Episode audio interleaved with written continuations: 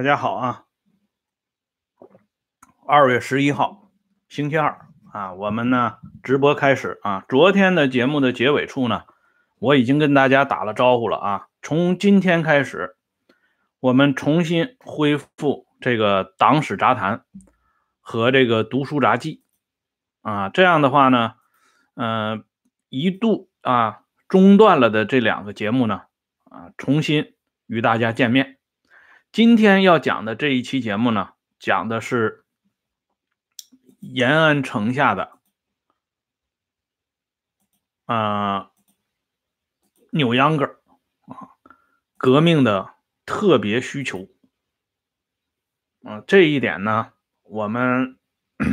实际上眼下啊已经看到了啊，在这个革命的滚滚洪流当中啊，这个平民百姓。他需要一种麻醉剂，啊，这个麻醉剂我们从网上也能够看到，啊，那个著名的医院里边，啊，那些被隔离的，啊，轻度疑似的，啊，这些人呢，纷纷跳起了广场舞，嗯，大家觉得这个事儿挺有意思，殊不知呢，这种广场舞那是有着悠久的革命历史传统的，或者说呢，它一脉相承于。啊，最早在延安城下的那一趟趟啊，一款款啊，一幕幕的秧歌舞，在简单向大家介绍这秧歌舞之前呢，我想跟大家啊转述两位中共早期啊革命烈士的留下的箴言呢，不是经常讲红色基因吗？啊，咱们今天给大家看看这红色基因，《中共党史人物传》啊，中共官方编撰的《中共党史人物传》第十三卷里边收录了一个著名的革命烈士，他的名字呢，想来朋友们应该很清楚，他叫林祥谦。啊，林祥谦是二七工人大罢工的领袖之一，林祥谦烈士。啊，活了三十一岁，他在生命的最后关头啊，用他的热血和生命，给大家留了一句名言啊，那就是“头可断，血可流，功不可复”。啊，这是林祥谦烈士啊留给大家的一句非常宝贵的真话啊。谢谢这位朋友啊，还有一位啊烈士呢，也说了一句话。那就是向广大啊劳苦大众介绍林祥谦烈士的邓中夏烈士啊，这是中共党内另一位著名的工运领袖邓中夏，领导省港大罢工的人物。邓中夏留下的箴言是什么呢？他就是说啊，一个患有杨梅大疮的、浑身流脓的人。是没有资格嘲笑那些伤风感冒的啊！这是邓中夏烈士留下的一句箴言，所以希望大家呢啊反复琢磨一下林祥谦烈士和邓中夏烈士留下的这两句话。我们经常讲啊，人之将死，其言也善啊。虽然这些人呢出身于左倾革命的阵营。但是他留下的最后这段话呢，还是从人之常情的角度出发的，所以呢，啊，谢谢老弟啊，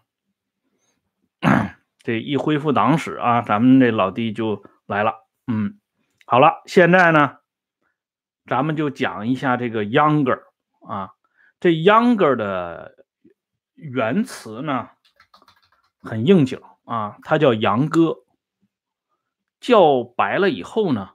啊，谐音成了秧歌。什么叫秧歌呢？啊，顾名思义啊，就是这个人呢，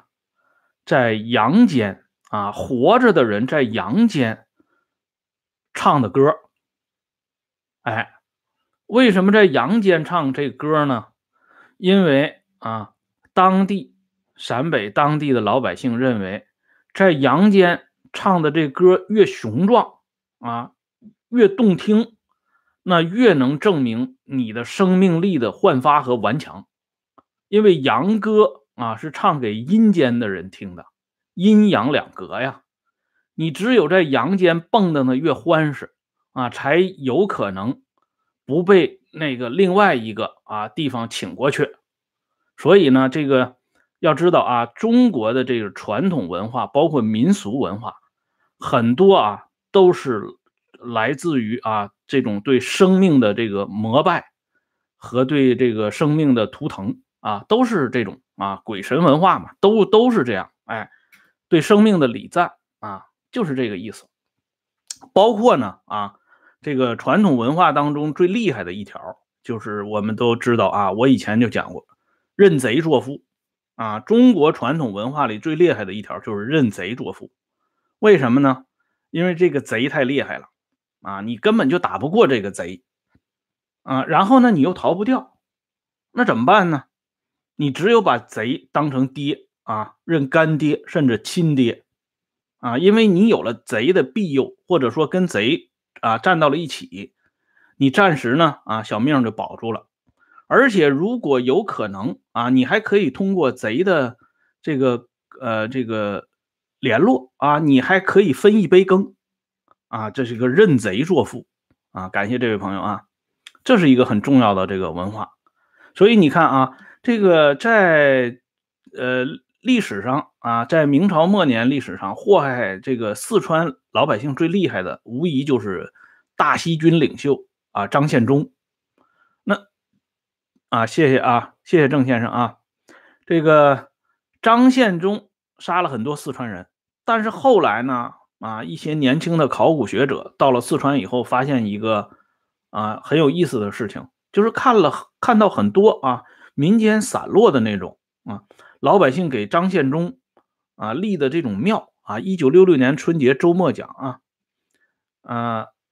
祭拜张献忠啊，他就很难理解，说张献忠把这个啊这个四川人祸害这么厉害，他们怎么还纪念他呢？其实这个就是认贼作父啊。对于这种比较凶恶的啊这种人呢，就把他升格为神啊。这个秧歌实际上最终从秧歌。变成秧歌啊，也是这么一种啊认贼作父的这个过程。所以我现在呢，先把这个啊这个文化的这个节点跟大家讲一下。这个扭秧歌呢，一开始呢，只是说啊老百姓啊啊这么跳来跳去啊这么蹦的蹦的，后来呢被这个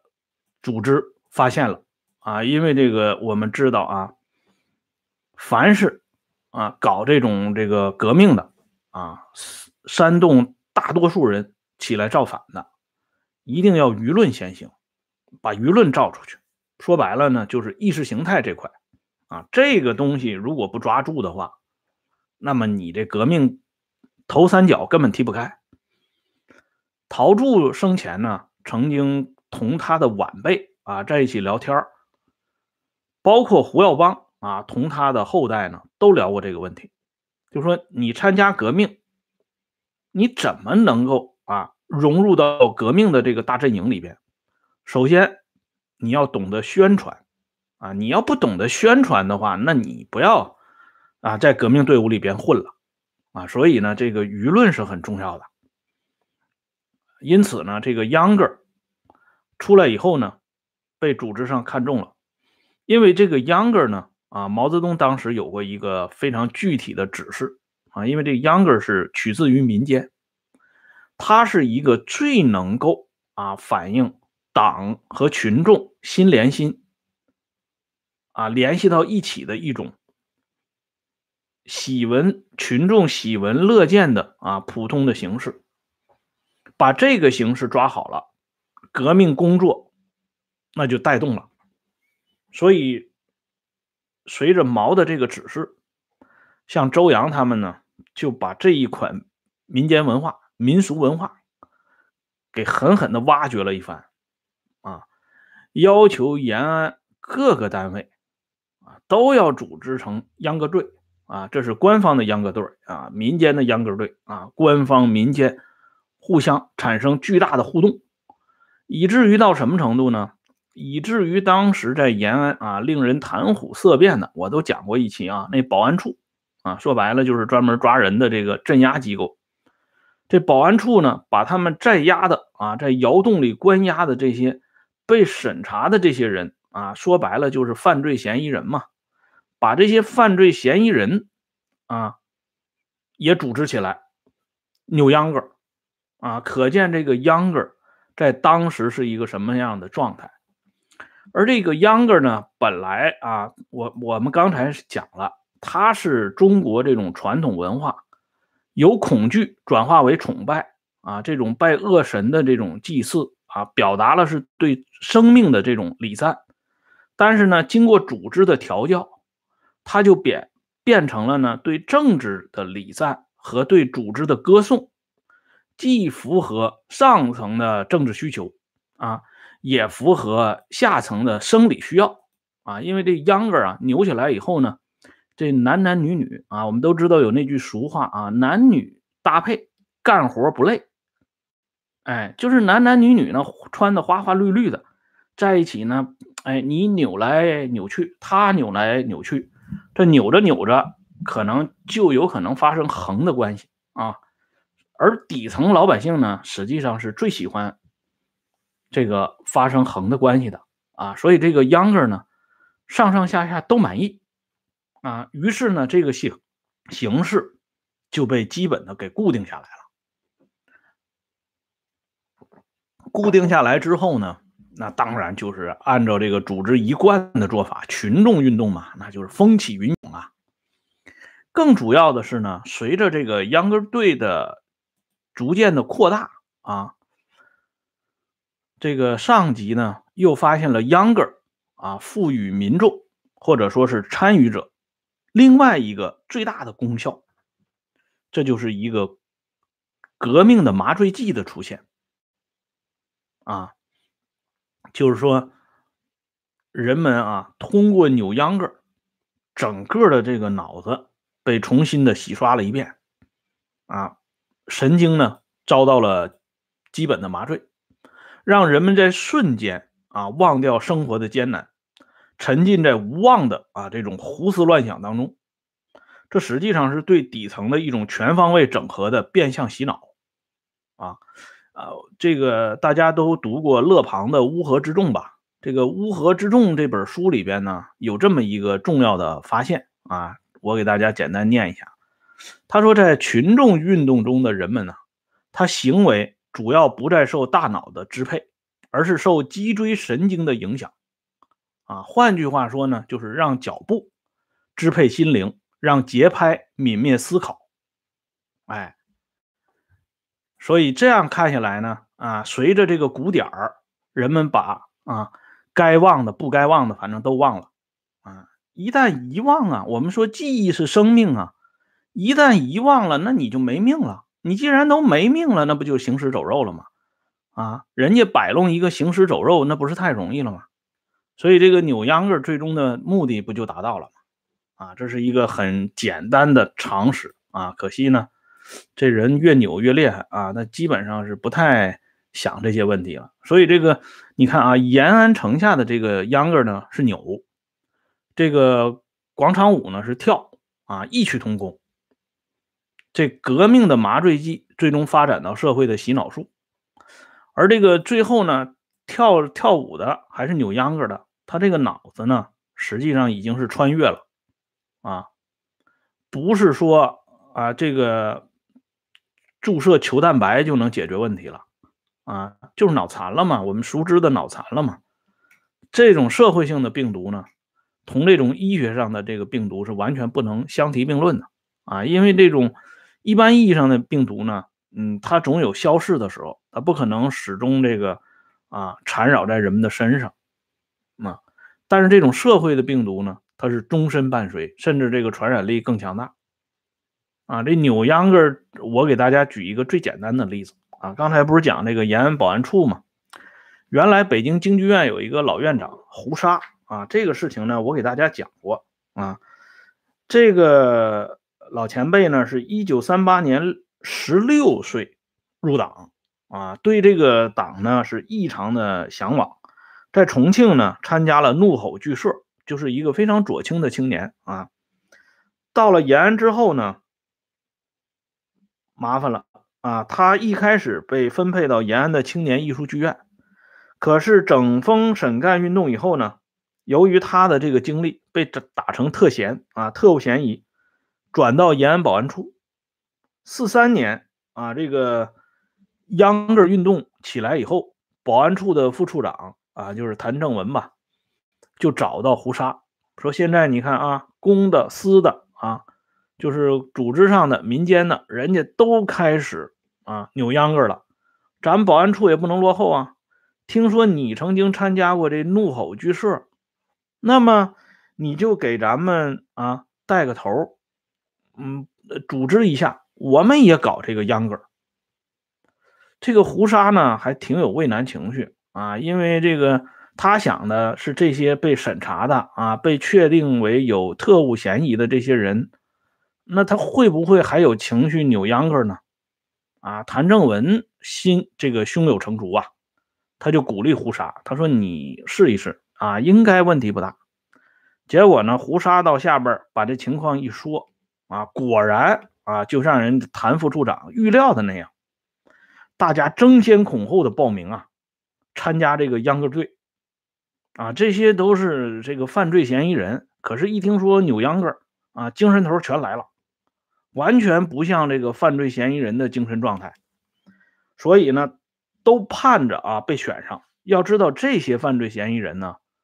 他不是那些田间地头的啊贩夫走卒啊，不是那些没文化的人。是那个啊，特定年代、特定环境下，啊，专门跑到延安奉献自己青春热血和这个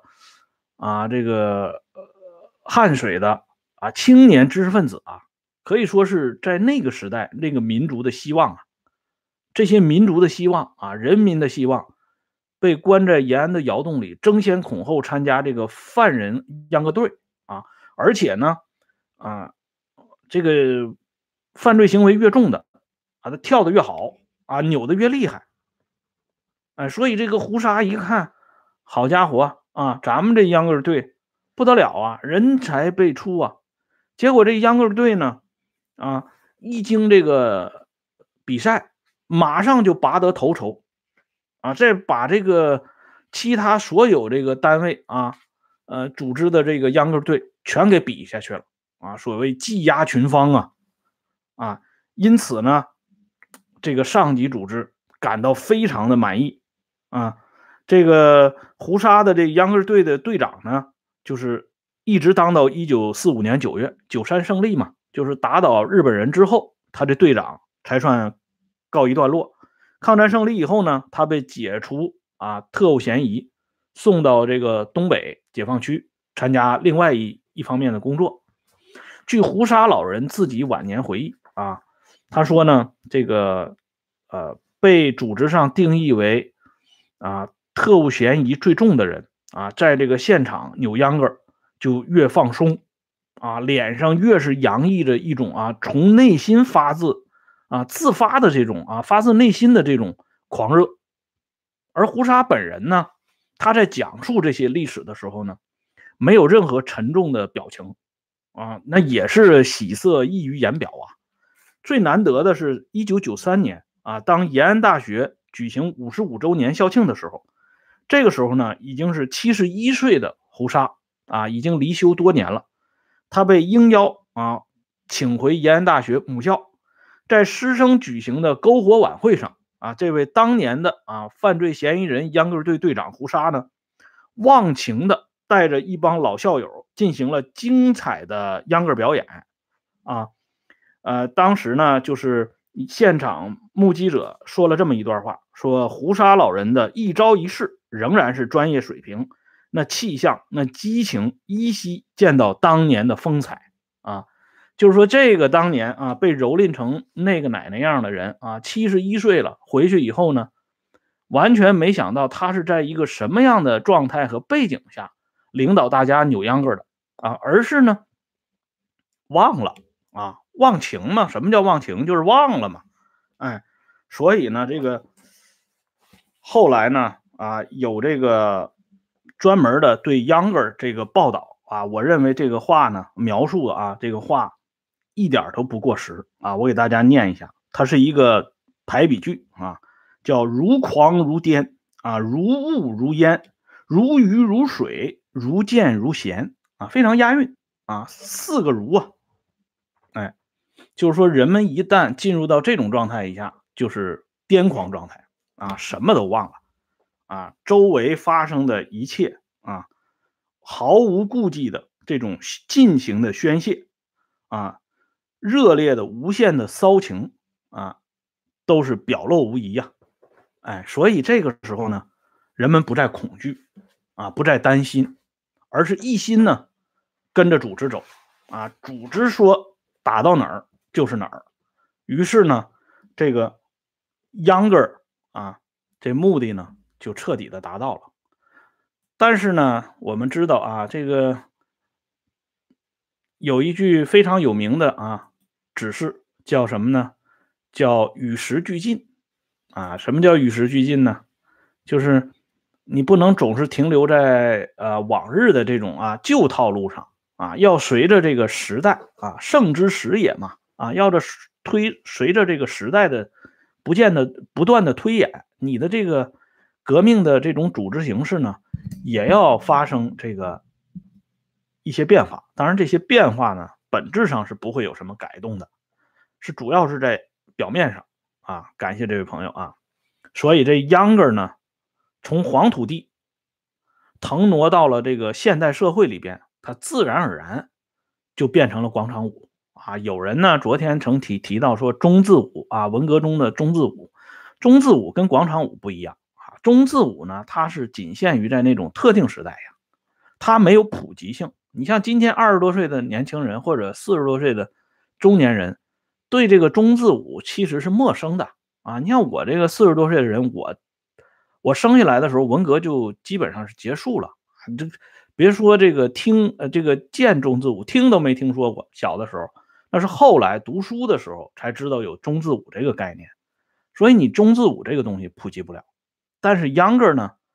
变异为广场舞这个东西呢，是一个非常了不起的创举啊！具体就就是完全执行了与时俱进的这套啊说法。这样呢，我们就看到啊，这广场舞实际上现在看呢，不光是这些啊上了年纪的老人们在跳。这些二十多岁、三十多岁的啊，稍微年轻一点的人也在跳啊，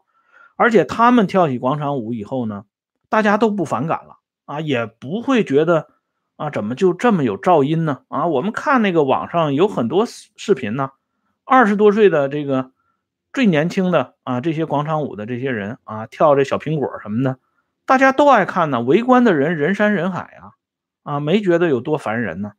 可见呢，这个形式上的创新是很重要的啊，而参与进来的这个新鲜血液呢，也是非常重要的啊。所以呢，将来我估计可能随着这革命的需要啊，他会逐渐又把延安的那个传统呢捡起来。因为当初延安跳扭秧歌的都是年轻人，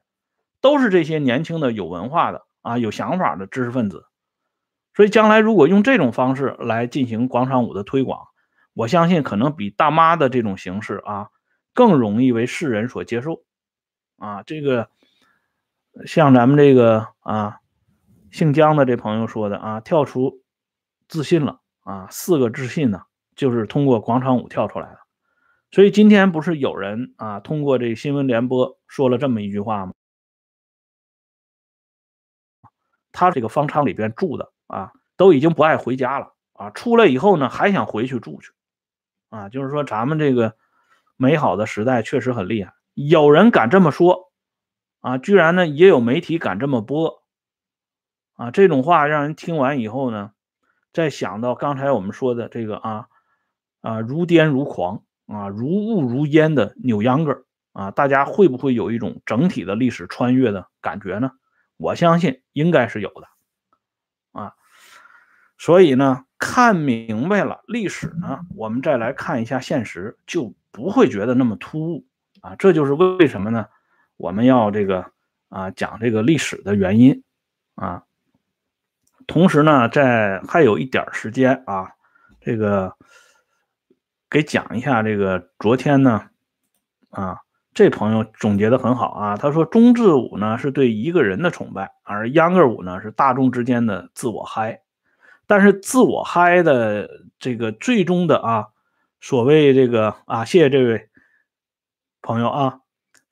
这个自我嗨最终呢，所谓这个百川到东海啊。最终还是要完成对一个集体的啊少数人的膜拜，还是要达到这个目的。如果达不到这个目的，你光是自己嗨，他可能就不让你嗨下去了啊啊！在这个还剩几分钟的时间啊，我再给讲一个，还讲一个历史的啊。这个党史上有一个非常有名的段子，叫填坑啊。什么叫填坑呢？就是另外一个形式的。广场舞啊，诶，扭秧歌啊，但是呢，它在党史上叫填坑。我们都知道啊，在上个世纪六十年代发生了一场啊，被官方史料称之为“三年自然灾害”的事情啊，导致呢大批人的非正常死亡。这个事情发生以后呢，上层呢比较紧张啊，因为这个事情捂不住了啊。出了这么大的呃漏洞以后呢，他需要填坑，因为这个农村呢死了很多人啊，留了很多空缺，这样呢，他需要一个一股啊扭秧歌的洪流从城市分流下去，到这个农村去啊，把这个农村的坑呢填满。经这个中央批准，刘少奇。周恩来、邓小平他们呢，搞了一个计划，大概呢是两千多万人的规模，把这些人呢，从在城市里已经安居乐业的工厂、企业、学校、机关当中抽调出来，啊，送到农村去。名义上呢叫支援农村建设，实际上呢就是把他们从城市里轰出来，啊，到广阔天地去。啊，至于他们将来生活的怎么样，没有办法解释。啊，刘少奇呢，在一九六二年五月份有两次重要的讲话。啊，一次呢，他是提到这么一句话，他说：“我们下决心减少两千万城市人口，算一个勇气。”第二次呢，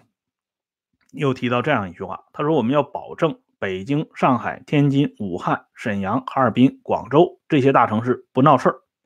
中小城市当然也要注意，闹事儿也不好，要尽可能不出乱子，少出乱子。但是在精神上、组织上还是要有点准备，准备出乱子，甚至出大乱子。如果没有准备，出了事情就会陷于被动。减少两千万城市人口，调整国民经济，行动要迅速。啊，刘少奇的这个讲话呢，最终等于说是代表中央，把这个两千万人啊。给轰了下去，啊，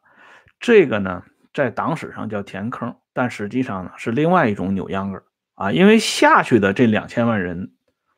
后来呢有过一个追踪的调查，当然不是说这两千万人每个人都能了解到了啊，这跟知青下乡两回事啊。知青下乡是文革中的事这是文革前的事情。这些人呢，啊，也不是四清啊，六二年没到四清，六四年才开始四清啊，跟那也没关系。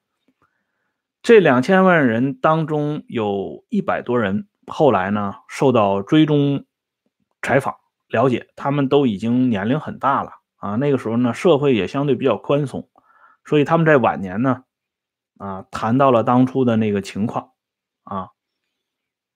但是直到晚年，他们在谈这个情况的时候呢，他们还是充满了一种豪情啊。他认为，在国家最艰难的时候啊，由他们来去填这个坑。他们感到非常光荣啊！为什么不是别人，而是我们？说明国家在这个关键的时候能够想到我们的作用啊！我们起到了一个带头的作用啊！我们这关键的时候啊，扶植了国家，支援了国家，虽然牺牲了小我，却成全了大我。所以这种秧歌的这种嗨啊，还体现在填坑这方面，而且表现的非常啊。这个悲壮啊，因为这些人本来在城市里啊，我们知道在那个年代啊，那是物物资管制的年代，你城市里它是有一整套的东西的，特别是像刚才刘少奇提到的这些大城市，北京、上海、天津啊、广州这些大城市，它的那套配套的东西跟农村那完全是天地之别呀。但是呢，正是啊，睡得香香的，工作的好好的，就突然间就按照这个规定。就把你一点理由都没有就赶到农村去了，可想而知，在后来的生活他们会遭到多么艰难的这个情况。但是呢，他们直到晚年还是无怨无悔啊。所以说呢，这个扭秧歌其实是无处不在的啊，不光体现在某些文艺的表演形式，还体现在其他的各个领域和各个行业当中。我们通过这些例子呢，能够想象到的说，将来呢。当这个事情过去之后，啊，现在实际上这个武汉当地已经有一些机关干部被下沉到，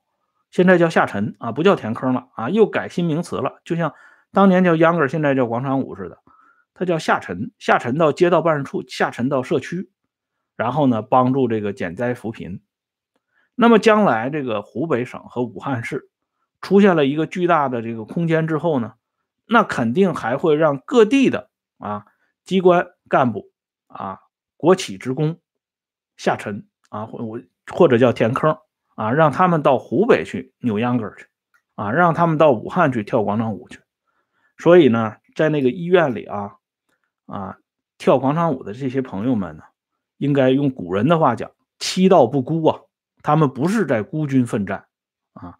全国各个行业各个。方面都有他们的通道啊，大家呢总会有会师的那一天，所以我们呢也非常期待啊。好了，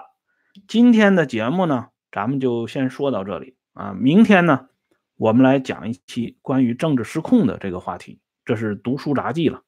总之呢，现在一切啊都回到这个历史的层面上来了，哎，关于这个眼下的这些事情的话题呢，先放一放。啊，先把这个历史这些东西呢，先补一补。我给大家准备了六期啊，结果呢，都让眼下这个事情给给耽误了。所以昨天我就发出这个预预告了。实际上不止昨天，之前的节目里也反复要讲啊，就是说想想把这几个坑给它填满。哎，好了，今天就说到这里啊，感谢朋友们上来支持和打赏。我们明天的节目呢，再接着聊啊，再见。